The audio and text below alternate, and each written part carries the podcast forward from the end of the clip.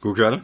Dette er et gruppeopplegg til de livsnære gruppene i Guds menighet. Vi er nå i uke 44 og 45, og det som er satt opp som tekst for de her to vekene, er Efeserne 2, 11-19. Jeg leser i Guds navn. Dere, som en gang var hedninger av fødsel, ble kalt uomskårne av de som kalles omskårne de som er omskåret av kroppen av menneskehånd. Husk at dere den gang var uten Kristus, utestengt fra borgerretten i Israel, uten del i pakten og løftet, ja, uten håp og uten Gud i verden. Men nå, i Kristus Jesus, er dere som var langt borte, kommet nær på grunn av Kristi blod. For han er vår fred, han som gjorde de to til ett og reiv ned den muren som skilte fiendskapet.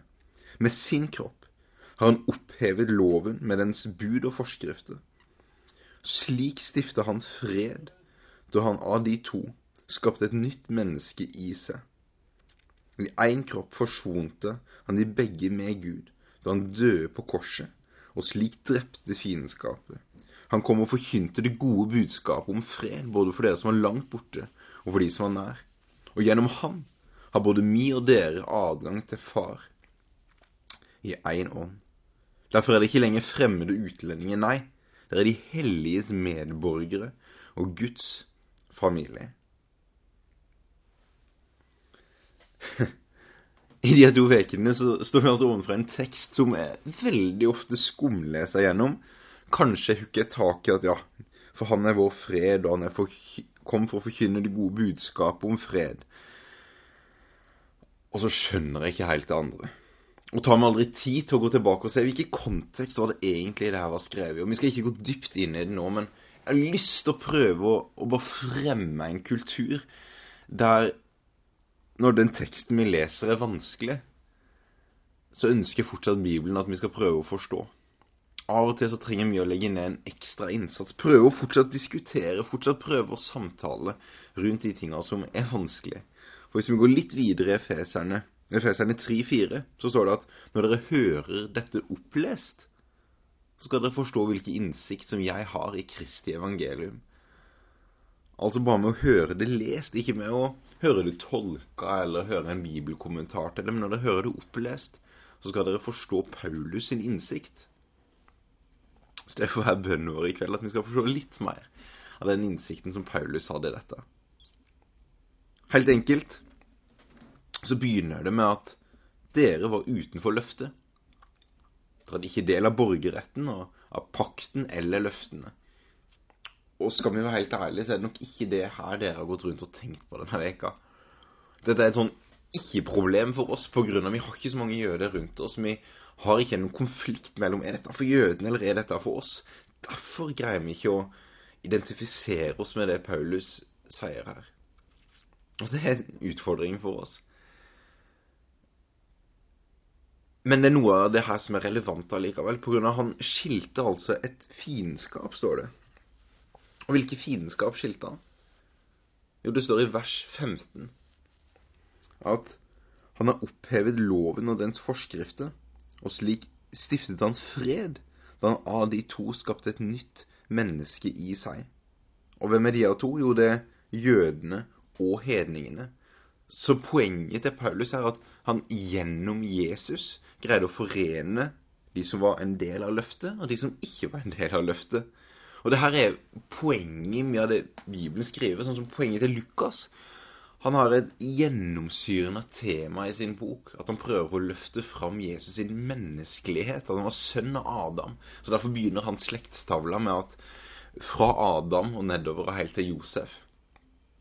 Han var altså sønn av det syndige mennesket på grunn av han måtte være 100 menneske for å kunne forsone oss tilbake til Gud. Han måtte kunne leve det livet som vi ikke kunne leve, og dermed representere oss og bli det offerlammet som forsonte oss tilbake til Gud.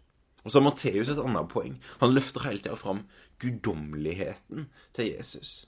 Så han begynner jo ikke med Adam, han begynner med Abraham. Han var sønn av løftet, sønn av, av jødenes stamfar. Så Jesus var altså 100% Gud. Og hvis ikke han kunne være 100% Gud, så kunne han heller ikke vist sin kjærlighet til oss mens vi enda var syndere. For Gud var avhengig av å bruke mennesket. Men det var ingen som var verdig. Så Gud blei da sjøl et menneske og forente de her to, altså hedningene og jødene. De som ikke hadde del av løftet, og de som hadde del av løftet. Det syndige og det, og det verdslige. Forente de i én kropp. Døde for alle mennesker på korset. Sånn at alle skulle ha tilgang til Far gjennom én ånd. Jesus ble altså dette bindeleddet mellom de som sto utenfor, og de som sto innenfor. I andre Korinterbrev 5.17 så står det at Jesus levde ut forsoningens tjeneste. Men nå har han kalt oss til å være forsoningens tjeneste. Og jeg tror det denne teksten òg påpeker, at når vi skal være forsoningens tjeneste, så må vi passe på at det er Jesus som er dette bindeleddet. Og når vi ligner på Jesus, så binder vi mennesker til oss, og vi binder dem til Jesus. På en positiv måte. Desmond Tutu han som uh, var en av de viktigste personene til å få ned apartheid i Sør-Afrika. Han er fredsprisvinner og biskop. Han forteller at den episoden i livet sitt som forandra han mest, var når pastor Hudson hilser på han og mora si når han går forbi dem på gata. Det var uhørt i den kulturen at en hvit prest skulle hilse og, og være positiv til folk med en farga, hud. Og så blir da denne Jesus-like handlinga til pastor Hutzen De to skulle jobbe tett sammen for å jobbe mot apartheid videre. Men så blir altså denne hilsen det som påvirker denne onde, unge Desmond Tutu til å tenke at en gang skal jeg bli en prest, og en gang skal jeg kunne bety noe for mitt folk.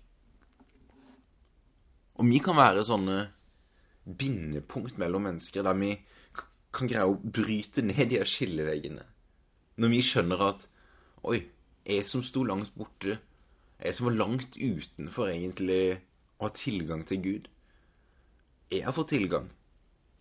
Det betyr at de som jeg ser på som kanskje langt borte den på jobben som eh, er mest imot kristen tro, det er jo noen som Jesus har dødd for. Så når vi da snakker positivt om de på jobben, da er det kanskje en negativ kultur fra før. Da blir den handlinga som er Jesus lik, en sånn bindeledd til oss og til Jesus. Eller når vi takker Gud for mennesker som er vanskelige, så er vi med å forsone det skapte tilbake til skaperen.